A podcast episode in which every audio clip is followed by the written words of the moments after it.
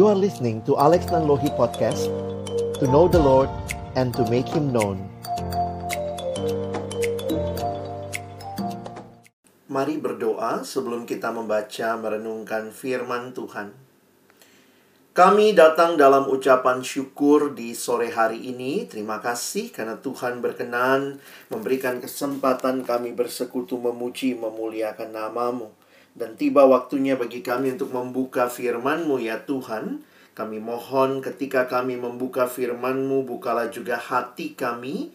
Jadikanlah hati kami seperti tanah yang baik.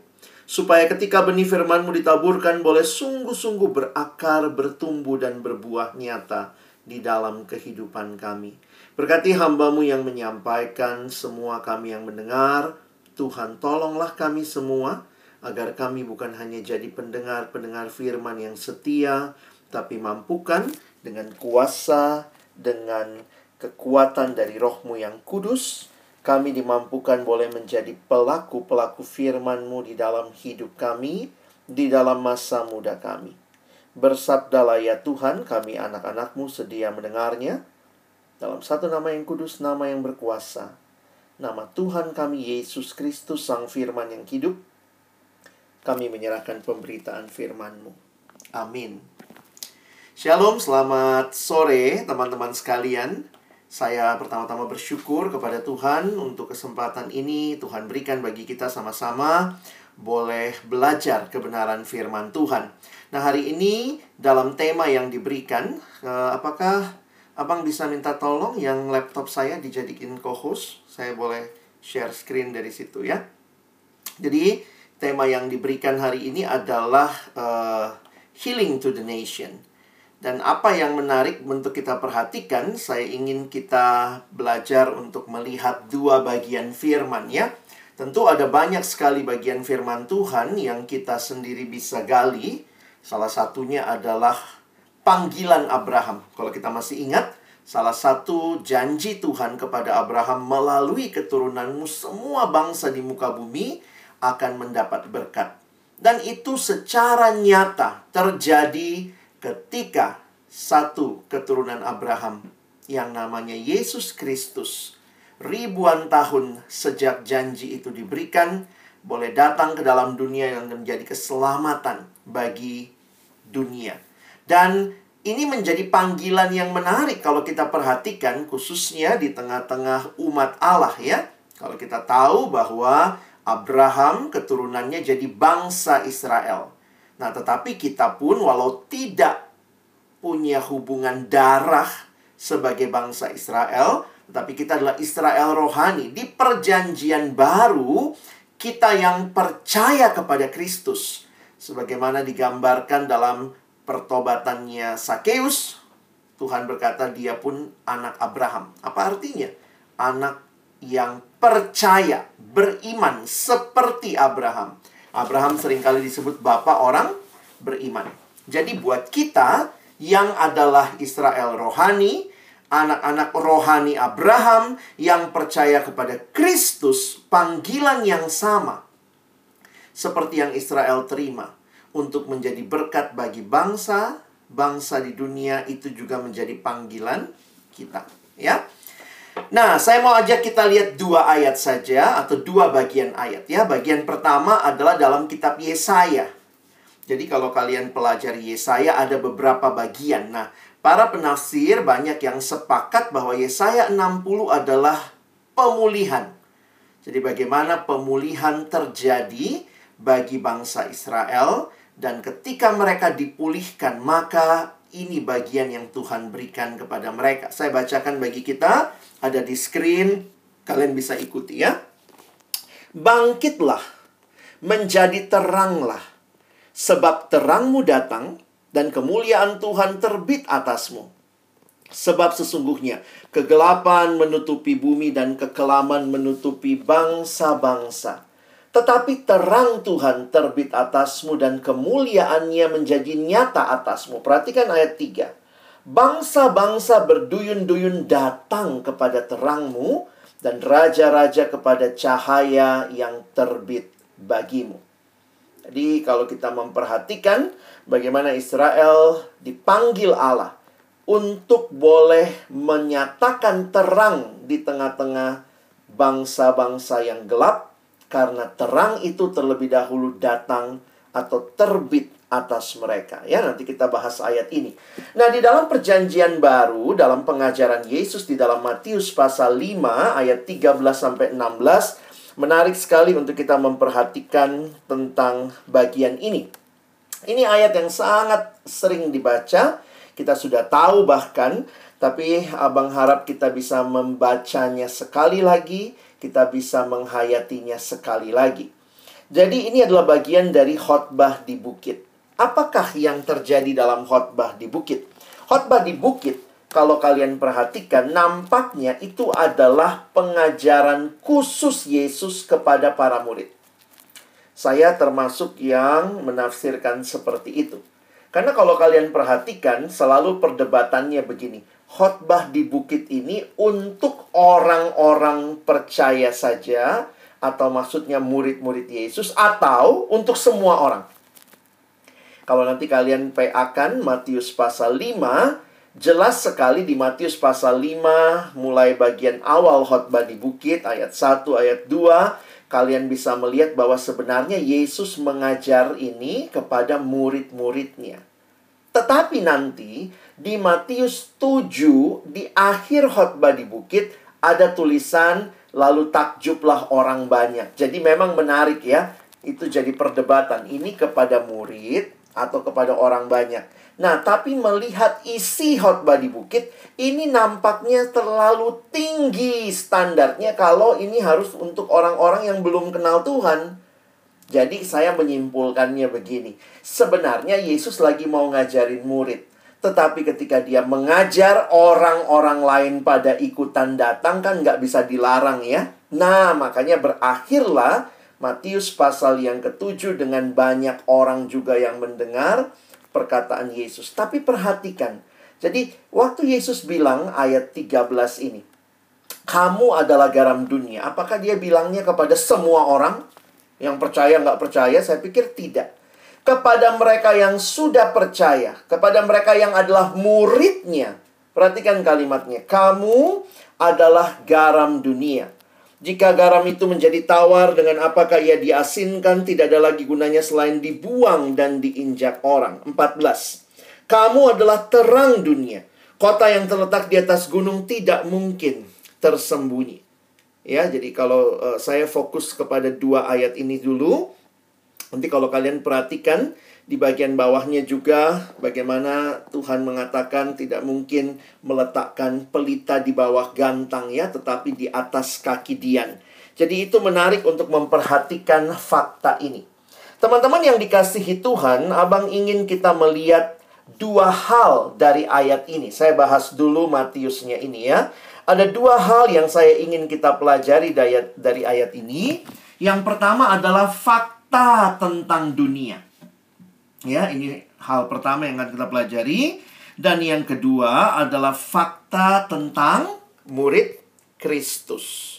Kenapa ini jadi penting? Karena ingat baik-baik. Kalau kembali kita lihat apa yang disampaikan di bagian ini, kamu adalah garam dunia, kamu adalah terang dunia. Ini kalimat indikatif.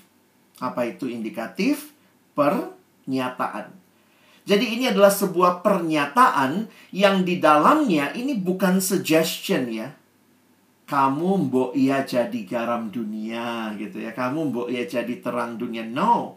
Tetapi ini adalah sebuah pernyataan yang menunjukkan sebuah kehidupan dan identitas yang baru yang dialami oleh orang-orang yang sudah percaya pada Kristus yang adalah murid Kristus. Langsung Yesus berkata, "Kamu adalah garam dunia." Perhatikan di dalam bagian ini adalah fakta tentang dunia.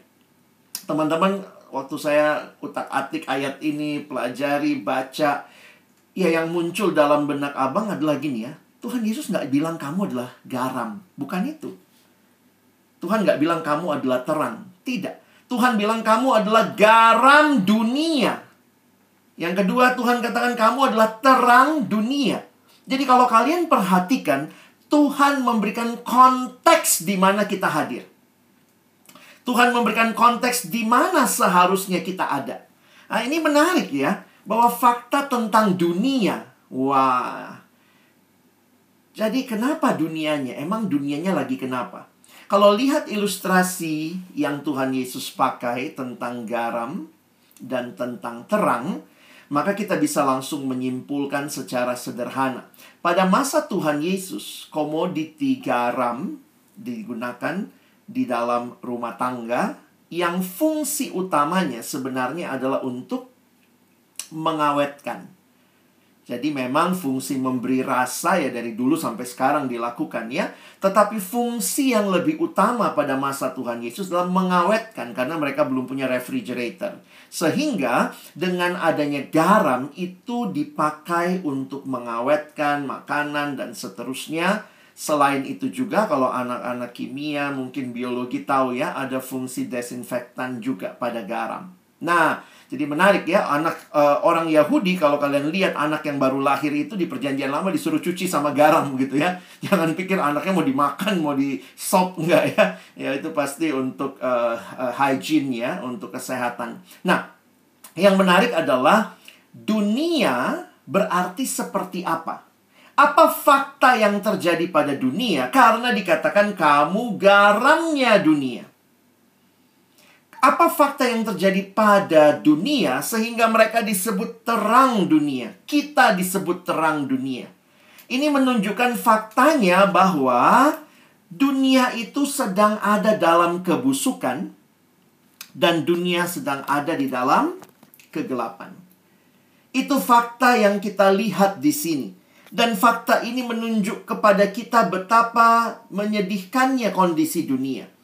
Teman-teman, saya sadar betul panggilan ini adalah panggilan Allah bagi kita. Tetapi kalau kita realistis, coba perhatikan ya. Teman-teman dan saya tidak sanggup mengenyahkan semua kebusukan dan kegelapan dunia. Tetapi kehadiran kita dipakai Tuhan untuk membawa pengaruh minimal di tempat yang paling dekat di mana kita hadir. Tentu lebih khusus lagi ketika kita bisa jadi berkat bagi bangsa-bangsa, tetapi jangan mimpi jadi berkat untuk bangsa sebelum engkau setia dalam hal-hal yang sederhana. Setia dalam hal-hal yang kecil. Nah, teman-teman, fakta dunia busuk dan dunia gelap ini adalah fakta dunia sudah jatuh di dalam dosa. Wah, warnanya hitam, gelap begitu ya. Dan dosa ini adalah dosa yang membelenggu. Dan termasuk apa? Termasuk di dunia, ya di dunia itu di mana? Kalau kita memaknai kehadiran kita, paling tidak engkau dan saya kan ada di Indonesia. Kita juga tahu apa yang terjadi dengan fakta kebusukan yang terjadi di dalam bangsa kita. Sehingga kalau kita memaknai itu, nah sekarang abang makin ini juga ya. Saya makin terpacu menafsirkan kata dunia karena sekarang kita juga harus belajar jadi terang di dunia maya ya. dunia virtual.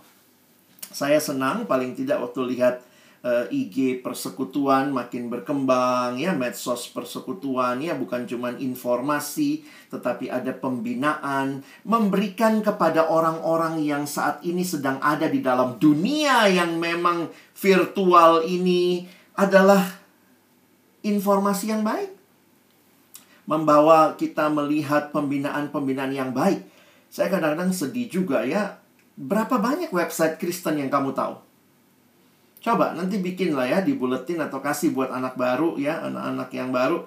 Mana website Kristen? Sebutkan 10 website website Kristen favoritmu. Nggak ada kali ya.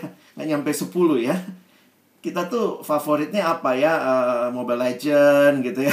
Uh, eh, IG gitu. Sedih juga sih. Makanya kalau saya lihat uh, saya nggak tahu pada tahu warung sate kamu kah? Apakah kalian tahu Yes He Is? Apakah kalian tahu A Bible Project? Dan itu adalah hal-hal yang bisa jadi alternatif. Karena kalau tidak, kadang-kadang kita nyalahin juga. Anak sekarang sih pakai internet cuma buat nonton YouTube, nonton segala macam. Tapi juga pertanyaannya, emangnya ada hal lain yang bagus secara Kristen? Dan kalau ada yang bagus, apakah dipromosikan sehingga itu jadi alternatif untuk dilihat? Jadi ya biasakan ya Setiap kalau kalian setia misalnya satu bulan gitu ya, kalian bisa ikutin tuh ya setiap hari nonton Bible Project ya kitab ini kita bisa nonton reviewnya secara singkat.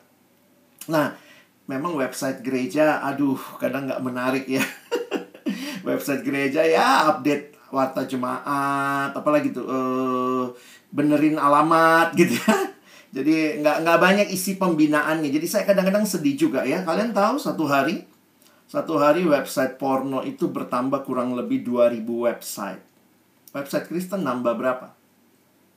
Jadi saya cuma mau berikan satu gambaran saja ya. Mari kita maknai dunia di mana kita ada.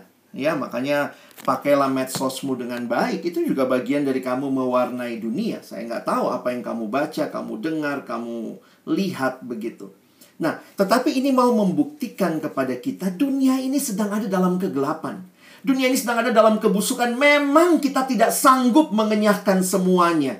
Nanti Tuhan Yesus datang kedua kali. Dia yang akan memulihkan semuanya. Tetapi kita sedang ber, mengambil bagian dalam pemulihan healing for the nation through our life, through our hands, through our intellectual, through our creativity, through our social media. You are bringing God's healing for the nation. Sehingga kita dipakai Tuhan. Nah, ini mungkin bahasa yang menarik ya. Kita dipakai Tuhan bukan untuk meniadakan kebusukan, tetapi mencegah lebih banyak pembusukan. Kita dipanggil Tuhan bukan untuk meniadakan kegelapan. Kita nggak sanggup. Tapi paling tidak menerangi lingkungan paling kecil di mana engkau dan saya hadir. Itu panggilan kita. Dunianya gelap. Dunianya busuk. Maka fakta yang kedua, fakta tentang murid Kristus. Jadi menarik teman-teman. Karena di dalam Alkitab kalau kita pelajari, Yesus bilang begini ya. Di dalam doanya di Yohanes 17. Bahwa murid-muridku Bapa, mereka bukan dari dunia. Tetapi mereka aku utus ke dalam dunia. Nah, ini gimana ini ya? Jadi menarik sekali kehadiran kita adalah kehadiran yang bukan dari dunia, tetapi kita diutus ke dalam dunia. Dalam bahasa Inggris mungkin lebih jelas dengan kalimat itu bahwa we are in the world but not of the world kita ada di dalam dunia, tetapi kita bukan bagian, kita bukan milik dunia ini. Bahkan kita diutus ke dalam dunia membawa perubahan. Sehingga teman-teman ingat baik-baik. Ini panggilan kita. Saya harus ingatkan buat kita. Jangan berhenti berpikir untuk mendapat berkat. Tetapi mari terus berpikir bagaimana kita yang diberkati selalu harus menjadi berkat. Wah, ini pemikiran yang sederhana, tetapi bagi banyak orang saat ini yang sangat egois, hanya berpikir tentang apa yang dia punya, apa yang dia miliki. Jangan cuma jadi orang Kristen yang sekadar Kristen tapi tidak berpikir untuk menjadi berkat. Jangan jadi mahasiswa Kristen MIPA farmasi yang hanya berpikir studi, studi, studi Supaya apa? Supaya kaya, supaya nanti saya jadi uh, apoteker yang baik. Oh, duitnya banyak. Saya nanti jadi ilmuwan, jadi saintis. Saya kalau ngajar di sekolah internasional, saya nanti bagus sekali nilainya. Tapi apa gunanya semua itu kalau kita tidak memikirkan panggilan Allah untuk kita ada di dalam dunia dan kita tidak seperti dunia, bahkan kita diutus ke dalam dunia. Teman-teman, kita nggak dipanggil jadi garam. Kita dipanggil jadi garam dunia. Kamu tidak dipanggil jadi terang. Kamu dipanggil jadi terang dunia. Karena itu kamu dan saya harus hadir di dunia. Jangan mengawang-awang jadi orang Kristen. Seolah-olah lagi hidup di surga gitu ya. Dalam pengertian ya dunia ini tempat kamu kakinya napak di mana yaitu dunia ya. Jadi makanya ada yang bilang gitu ya, ya garam kumpul sama garam jadi gudang garam kita ya. Belajar untuk jadi berkat bagi orang lain. Uh, dalam perenungan seperti itu memang nggak mudah ya. Jangan jadi garam di tempat garam saja. Bukan itu tujuan Tuhan. Garam harus larut, terang harus bersinar. Dan itu aktif Walaupun larut itu kesannya pasif, tapi dia memberi rasa. Makanya ada yang bilang kalau garam itu memberi pengaruh pelan-pelan. Begitu airnya dimasukin garam, airnya tetap jernih aja, tapi rasanya sudah berbeda. Nah, kalau terang lebih ofensif ya. Wah, begitu dia berat gitu ya. Nah, makanya jadi menarik nih. Apa lawannya gelap? Terang. Apa lawannya terang? Gelap. Nanti kalau ngomong sama anak fisika nggak setuju itu ya. Menarik sekali kalau kalian mengerti bahwa terang sama gelap tidak berlawanan. Ya. Karena kalau berlawanan, nah ini saya jelasin ke anak fisika, anak MIPA mau udah ngerti lah ya. Kalau berlawanan berarti begini, berlawanan itu kan sama kuat. Kalau ada center terang untuk menerangi kegelapan, kalau sama kuat, kalau berlawanan, harusnya ada center gelap menggelapi keterangan. Benar nggak? Saya ulangi ya, pasang eh, pasang telinganya di kuping ya. Kalau ada center terang untuk menerangi kegelapan, maka harusnya ada center gelap untuk menggelapi keterangan. Karena itu berlawanan. Tetapi terang dan gelap sifatnya beda sekali. Contoh, saya kasih cerita deh ya. Saya kan anak sosial, jadi menceritakan. Jadi kalian bisa ngerti lah ya, nggak usah dijelaskan sama rumus-rumus. Abang juga nggak ngerti. Jadi ini cerita tentang gua. gua, bukan gue Goa, goa ya. Ini cerita tentang goa. Jadi tersebutlah ada goa yang hidup di dasar bumi yang gelap dan dingin. Nah, goa ini punya sahabat di permukaan bumi, namanya matahari. Satu hari, matahari ini kirim undangan sama goa yang tinggal di dasar bumi yang gelap dan dingin. Matahari bilang begini, "Goa, goa." Ya, dia tulis surat, "Mampirlah ke tempatku. Aku akan tunjukkan keindahan permukaan bumi." Di hari yang disepakati Goa datang dan kemudian Goa melihat dengan takjub keindahan permukaan bumi. Wah, sore menjelang Goa harus pulang kembali ke rumahnya di dasar bumi yang gelap dan dingin. Goa sangat takjub melihat seluruh permukaan uh, bumi yang sangat indah ya. Nah, merasa berhutang budi sama si matahari, Goa kemudian kirim undangan balasan. Mat, mat, datanglah ke tempatku. Dan menarik sekali matahari itu penasaran sama kegelapan. Dia belum pernah lihat kegelapan seumur hidup. Lalu kemudian di hari yang disepakati, datanglah matahari berkunjung ke rumahnya Goa di dasar bumi yang gelap dan dingin.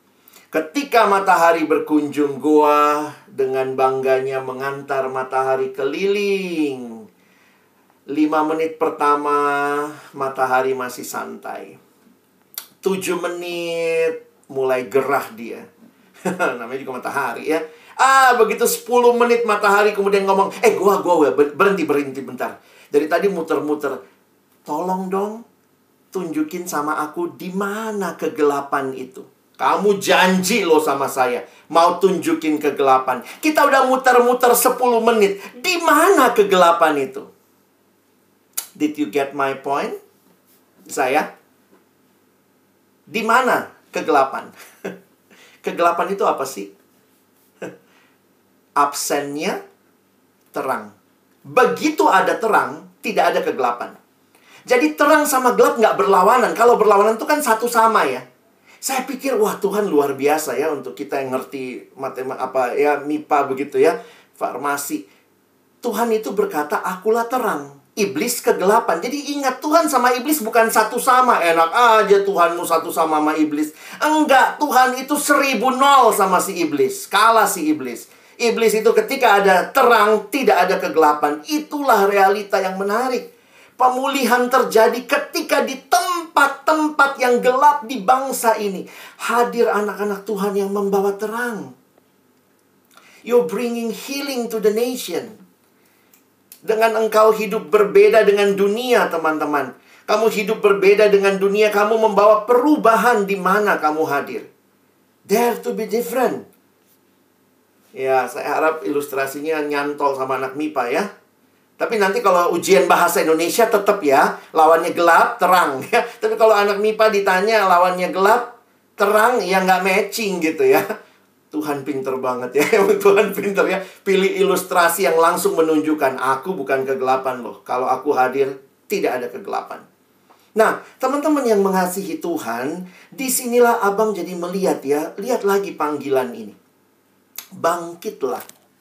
Sebab uh, menjadi teranglah sebab terangmu datang. Jadi ternyata ketika terang itu datang, terang itu menerangi kita untuk bangkit jadi terang. Dan kemuliaan terbit kemuliaan Tuhan terbit atasmu. Terang Tuhan terbit atasmu. Teman-teman, memang kalau kalian lihat bahasa Indonesianya, kalian bisa langsung membayangkan. Kalau kalian bisa bayangkan kata terbit.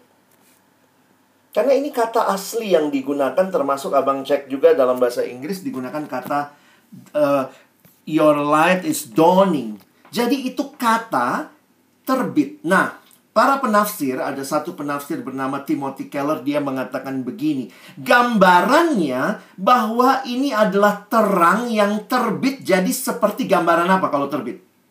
Matahari.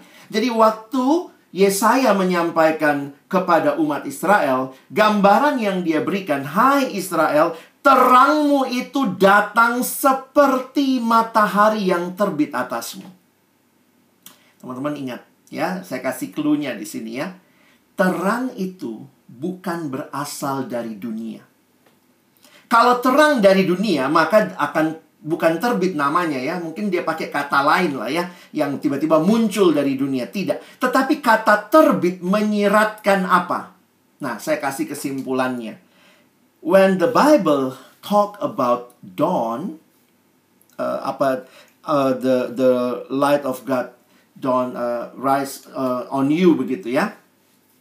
That this light, the light is not from internal or external, bukan dari bumi itu baik dari dalam bumi maupun uh, dari luar dalam arti dari luar buminya yang yang dekat begitu ya.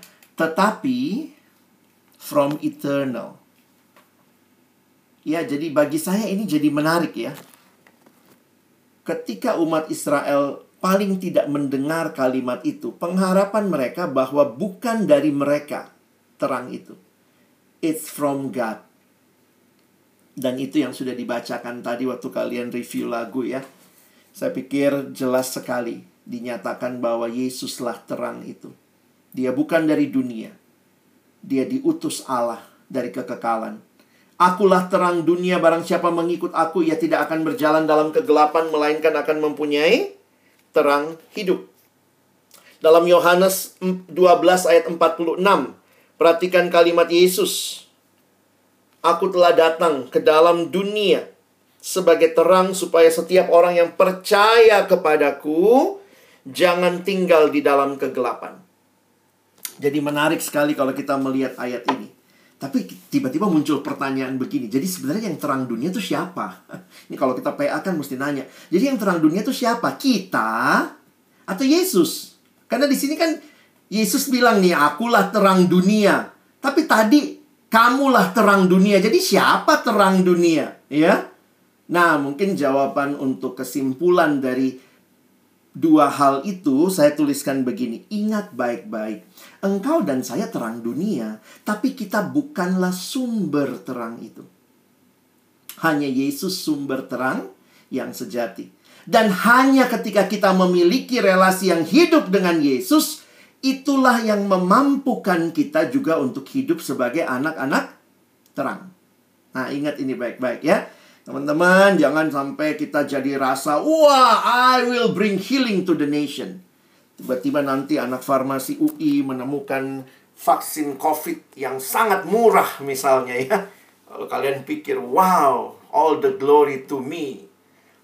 Wah, saya bisa dipakai Tuhan memberkati bangsa-bangsa, memberkati banyak orang. Anak fisika menemukan misalnya uh, sebuah uh, apa ya rumus baru yang ternyata memudahkan gaya ini dan itu saya nggak tahu ya jangan banyak gaya ya atau mungkin anak geografi ya ada enchanted territory yang kemudian kamu yang mapping dengan baik dan semua luar biasa. Saya kalau membayangkan itu, kalau ada orang-orang yang membuat penemuan-penemuan yang luar biasa, ya bring healing to the nation. That's part of bring healing to the nation. But still, we are not the source of the healing. Kita harus ingat, Tuhanlah sumbernya. Tetapi ini yang terjadi, begitu kamu dan saya punya relasi dengan Tuhan, kita nggak akan tinggal diam dan hidup bagi diri sendiri. Ya saya 60 tadi ayat 3 ya, Abang janji akan bahas sesudah kita bahas Matius tadi ya. Bangsa-bangsa berduyun-duyun datang kepada terangmu dan raja-raja kepada cahaya yang terbit bagimu. Maksudnya apa? Ya ini terjadi. Diberkati untuk menjadi berkat. Jadi saya sangat meyakini ya, kalau saat ini juga Tuhan sedang memulihkan banyak hal di bangsa kita, termasuk di dalam kehidupan anak-anak Tuhan. Saya yakin Tuhan memulihkan orang Kristen di bangsa ini untuk menjadi berkat, menjadi terang di tengah kegelapan yang terjadi. Kenapa kita ada POF MIPA Farmasi? Kenapa Tuhan terus memberikan kesempatan kita menikmati pembinaan bukan cuma kuliah, kita dibangun, dibentuk iman kita. Tuhan sedang memulihkan engkau, membawa engkau jadi berkat bagi kegelapan bangsa ini. Coba pikir-pikir apa ya kegelapan Indonesia. Kalau kalian studi, coba pikirin itu nyambungnya dengan rencana Allah bagimu jadi berkat bagi bangsa ini. Saya pikir itu cara yang baik ya supaya kamu tidak melihat kamu cuman sekadar kayak gini ya. Minggu depan pada kuis nih. Tapi saya mau tanya, kuismu tentang apa? Apa gunanya ilmu itu yang kamu akan kuis minggu depan kalau dikaitkan dengan kebutuhan bangsa ini? Jangan-jangan ketika kamu diuji dengan kuis yang bermutu, yang soalnya sulit, Eh, enggak ya, biasanya soalnya gampang. Jawabannya yang sulit. Tapi itu untuk membuat engkau lebih tekun, lebih baik lagi untuk menjadi berkat bagi bangsa. Abang kadang suka mikir gitu ya. Kenapa harga obat tuh tinggi banget gitu ya? Kalau kalian kerja di farmasi, mama saya di farmasi soalnya ya, itu satu tahun bisa tiga kali naik harga obat. Oh katanya masalah hak paten ya, patennya ya, karena mungkin banyak juga yang akhirnya patenin obat makanya kan ada generiknya dan seterusnya. Nah, saya nggak tahu nih kalau nanti kamu misalnya ya yang jadi berkat di situ. Kegelapan di bangsa ini, kalau miskin kayaknya udah deh nggak ada harapan lu untuk kesehatan karena lu miskin gitu ya. Itu kan kegelapan bahwa tidak ada akses kesehatan yang cukup dan merata untuk orang yang miskin misalnya sulit. Bagaimana engkau menerangi bangsa-bangsa Waktu engkau kuis yang susah harus baca persiapan sekian bab Tuhan. Tapi kalau saya I pass this, then I will be more and more as a blessing for others. Jadi ya, mungkin itu sedikit mengganti framework kita, kacamata kita melihat ujian ya. Bahwa ujian ini adalah bagian Tuhan mempersiapkanmu menjadi berkat untuk menerangi kegelapan bangsa ini. Kalau kamu punya kerinduan misalnya apa ya, ada beberapa anak biologi konservasi saya lihat gitu ya terjun melihat bagaimana konservasi di tengah-tengah Indonesia yang sebenarnya hutannya banyak tapi ditebang juga dengan hak guna uh, bang uh, hak guna uh, ini ya bisa bisa dipakai begitu rupa dan kadang tidak ditanam ulang begitu. Kadang-kadang saya mikir gimana? Itu kan kegelapan di bangsa ini jadi jangan cuma melihat ini sumbermu cari duit nanti. Oh, aku kerja konservasi aja lah sekarang lagi booming ya lingkungan hidup. Mau kalau mau bikin proposal S2 asal tulis lingkungan hidup pasti nembus begitu ya.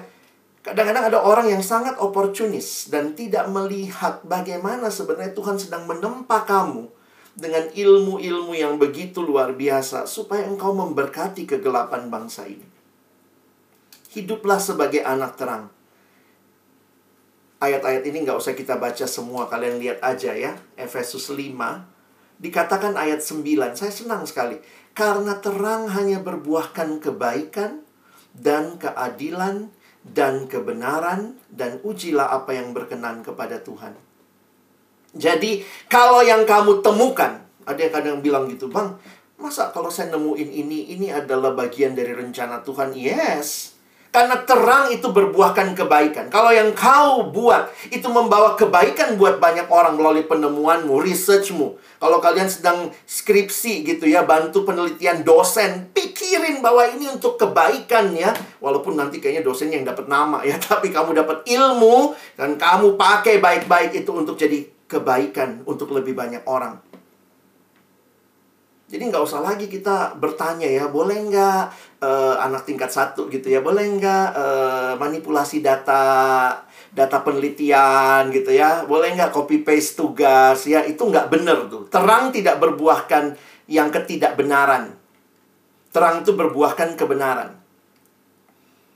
Kadang-kadang kan kita mau biar hasilnya sesuai teori ya, ya di, di penelitiannya sedikit di ya dipermanis gitu ya tapi ternyata akhirnya penelitianmu juga nggak jadi apa-apa. Kenapa? Kamu cuma penelitian supaya lulus.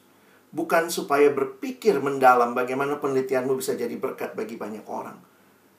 Apa buahnya gelap? ya Allah gitu ya. Buahnya tidak berbuahkan apa-apa.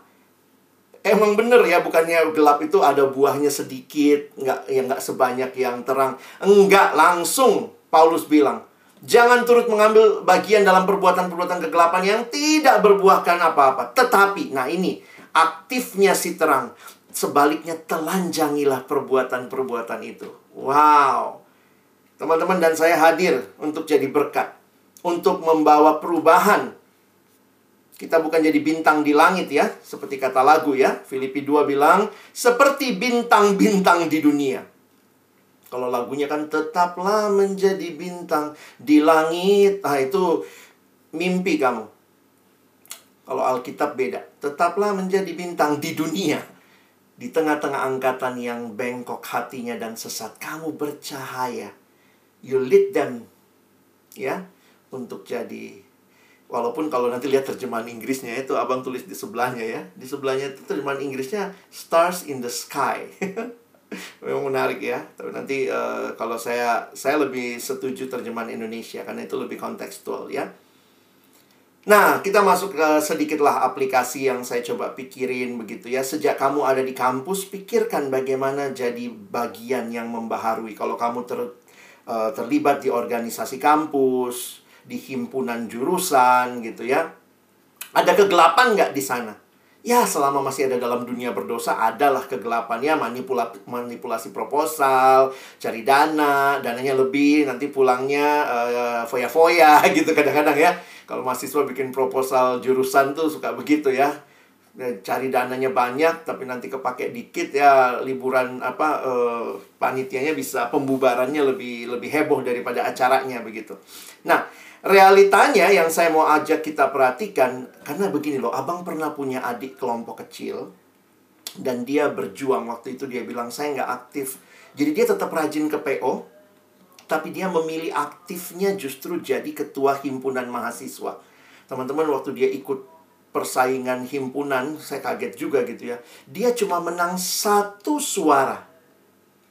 Satu suara aja dia menang dengan kandidat lain yang diusung oleh uh, rumah ibadah di kampus waktu itu ya. Rumah ibadah tertentu mengusung satu anak dan anak kelompok kecil saya menang satu suara.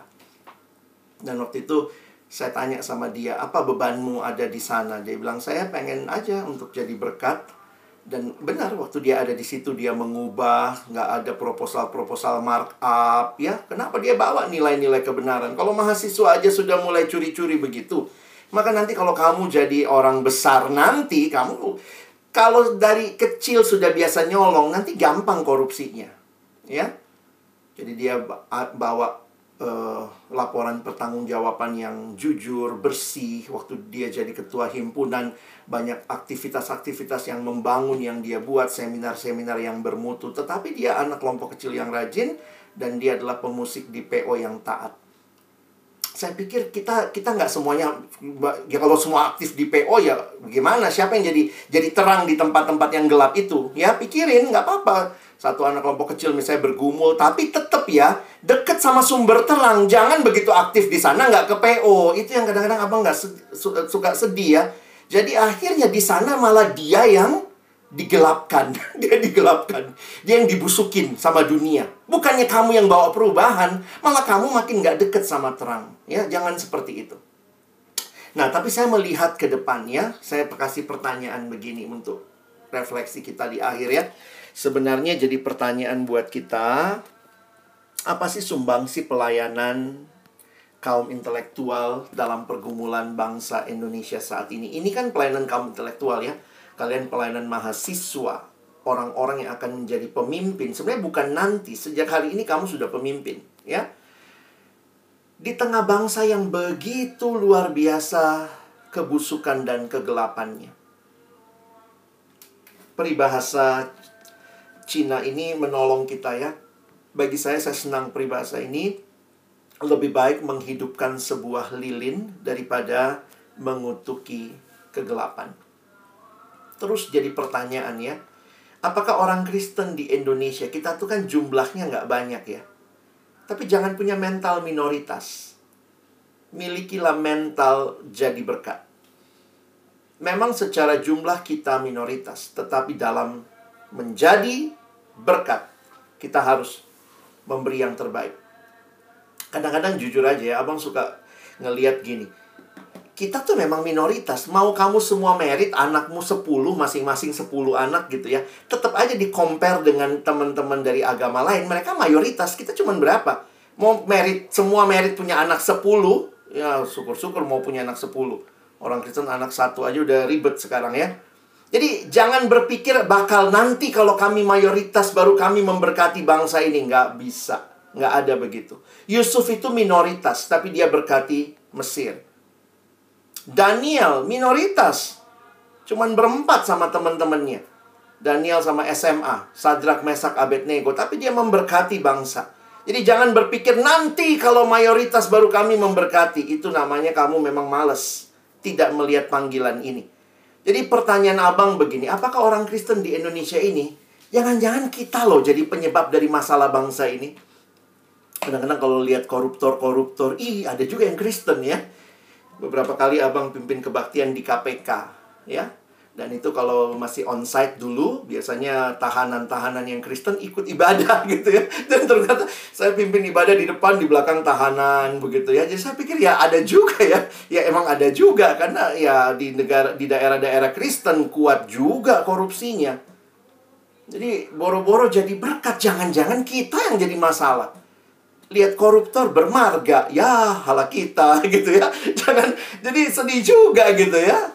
Nah itu teman-teman mesti berpikir gitu. Yang satu bilang kami nggak korupsi tapi nyogok. Ya yang nyogok Chinese, Kristen. Ya masuk penjara juga.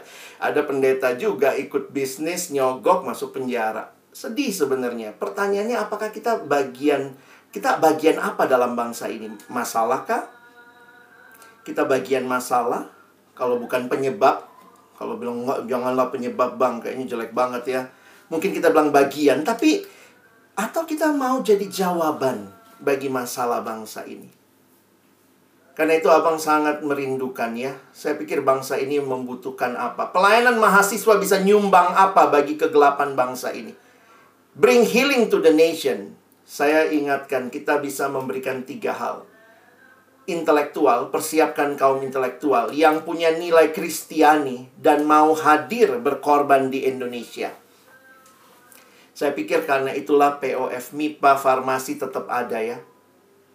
Karena kita mau bukan cuma intelektual tapi Kristen, makanya harus ada PO-nya ya yang ngurusin supaya para intelektual yang dididik di kampus dengan ilmu yang tinggi, kamu benar-benar punya nilai Kristiani dan kamu memberi dirimu hadir di Indonesia. Saya kaget waktu dengar kalimat tentang intelektual. Kalian pernah tahu apa artinya intelektual?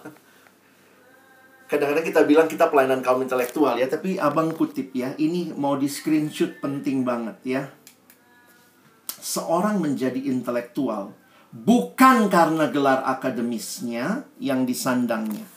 Seorang intelektual diharapkan mampu berpikir secara mendalam dan memberi arah ke mana seharusnya masyarakat bergerak. Ini kalimat dalam materi yang disampaikan Bapak Yongki Karman, Pendeta Yongki Karman dalam seminar mahasiswa beberapa tahun yang lalu tentang peran sosial intelektual Kristen. Kenapa ada pelayanan mahasiswa? Karena kita berharap ada anak-anak yang berpikir dengan mendalam dari nilai-nilai kekristenan dan mampu memberi arah ke mana masyarakat bergerak. Bagi saya definisi ini membuat saya jadi berpikir ya. Sebenarnya pertanyaannya begini, jangan-jangan kamu nggak intelektual, jangan-jangan saya nggak intelektual. Kenapa orang mau studi? Ada ternyata yang cuma studi S1, S2, S3 supaya apa? Supaya dia punya gelar tinggi, nanti kalau kerja di PNS, dia naik jabatan, dan karena itu gajinya banyak. Jadi ternyata semua intelektual yang dia kejar dalam studinya, dalam studinya hanya untuk dirinya. Karena itu, Ibu Kartini, Raden Ajeng Kartini, sekolahnya tidak tinggi, tetapi dia dikategorikan intelektual. Kenapa? Dia sekolah rendah. Karena dia berpikir mendalam ke mana masyarakat ini, ke mana hak wanita. Dia menulis pikiran-pikirannya, dia tuangkan dan akhirnya memang dipublish dan kita bisa baca. Ada orang yang mikirin benar-benar mau ke mana masyarakat ini. Sementara orang Kristen S3 tapi cuma sibuk dengan dirinya, keluarganya, uangnya, fasilitasnya. Karena itu, belum tentu S1 intelektual, belum tentu S2 intelektual, belum tentu S3 intelektual. Tetapi kalau ada orang-orang yang berpikir mendalam bagi bangsa ini, kita yang Kristen harusnya punya kerinduan yang dalam untuk hal ini. Kenapa? Kita dikasih belas kasihan Kristus loh. Ayo, beri warna studimu. Kalau enggak, kamu akan sangat-sangat egois. Nilai-nilaimu, IPK-IPKmu, eh, skripsi-skripsimu supaya lulus, cari kerja. Nanti apa anak sekarang kalau cari kerja, beli kamera SLR, jalan-jalan ke luar negeri, cicil rumah, cicil apartemen. Apa cuma itu mimpimu? Wih, sedih amat kalau cuma itu mimpimu. Itu juga mimpi orang-orang yang lain. Tapi siapa yang berpikir, Tuhan, skripsi saya ini kalau diterusin penelitiannya, didanai dengan baik, saya cari sponsor, saya berpikir mendalam, bagaimana masyarakat bisa dibangun dengan hal ini. Banyak skripsi tinggal jadi skripsi tanpa makna. Allah memanggil saudara, paling tidak saat inilah ya, di Indonesia. Tapi mungkin juga Tuhan kasih beberapa bagian bagi teman-teman menjadi berkat di dunia. Ya, silahkan kalau kalian jadi berkat bagi dunia, abang sangat senang gitu ya. Melihat nanti ada orang-orang yang Tuhan panggil untuk memberkati bukan hanya bangsa ini. Karena itu bagaimana respon kita sekarang? Harusnya cara belajarmu beda. Cara belajarmu berbeda karena punya perspektif yang baik. Cara bergaulmu juga berbeda. Kamu bergaul untuk memikirkan juga bagaimana menjadi berkat caramu kalau sudah pacaran juga beda. Jangan pacaran-pacaran tanpa jel, uh, kekudusan begitu ya. Jangan jadi memalu mempermalukan ya. Ada tulisan tuh true love waits di bawahnya save it until marriage. Kalau nanti kamu bekerja, cara bekerjamu berbeda. Kalau kamu berumah tangga, cara berumah tanggamu berbeda. Kenapa? Kamu adalah garam dan terang. Tetapi menarik sekali akhir dari ayat itu. Lihat kalimat Yesus ayat 16. Demikianlah terangmu bercahaya di depan orang. Sampai sini asik ya. Wih, demikianlah terangmu bercahaya di depan orang supaya mereka melihat perbuatanmu. Sudah bercahaya, dilihat orang lagi. Dan memuliakan Bapamu yang di surga. Bagi abang ini luar biasa. The glory must be to the Lord. Terangmu bercahaya di depan orang, mereka melihat perbuatanmu yang baik, tetapi kemuliaan biarlah bukan bagimu. Memuliakan Bapamu yang di sorga. Saya tutup dengan uh, parafrase dari kalimat yang John Stott tuliskan di dalam bukunya Isu Global ya. Ketika bicara tentang uh, garam dan terang, dia kira-kira menuliskan seperti ini. Jika daging busuk, jangan salahkan daging, tapi tanyakan di mana garamnya. Jika dunia busuk, jangan salahkan dunia, tapi tanyakan di mana garam dunia. Jangan-jangan garam dunia sudah kehilangan keasinannya. Jika rumah gelap, jangan salahkan rumah, tapi tanyakan di mana lampunya. Jika dunia gelap, jangan salahkan dunia, tapi tanyakan, di manakah terang dunia? Garam dunianya dan terang dunianya lagi ikut Zoom sore ini. Apakah engkau dan saya hadir di dalam dunia? untuk mencegah pembusukan, menghambat pembusukan, menyinari kegelapan. Sebagai refleksi kita di akhir apakah kehadiran orang Kristen di bangsa ini telah menjadi bagian dari solusi bagi kondisi kebusukan dan kegelapan di Indonesia? Kita tidak hanya bicara healing, but you know where to heal. Di mana engkau harus hadir. Karena itu pikirin baik-baik dari sekarang ya. Yang lagi bikin skripsi, yang lagi mahasiswa baru juga mulai pikirin gitu ya. Saya mau jadi apa, mau bagaimana, nanti saya akan berperan seperti apa dan mulai doakan. Kadang-kadang kita belum jelas mau saya mau ngapain sih. Bang Alex ngomongnya jauh banget, tapi mulai dari tempat di mana kamu ada. Perlengkapi dirimu dengan ilmu yang baik, tetapi dengan iman ketundukan kepada Tuhan. Tuhan akan pakai engkau jadi berkat bagi bangsa-bangsa. Amin. Mari berdoa. Tuhan terima kasih banyak buat firman-Mu. Kiranya kami benar-benar melihat peran kehadiran kami orang-orang percaya sebagai garam dunia, sebagai terang dunia. Kami dipanggil untuk menjadi berkat di tengah dunia ini.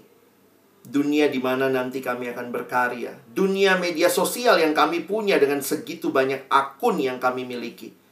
Tapi apakah kami sudah pakai itu juga bagi kemuliaan Tuhan?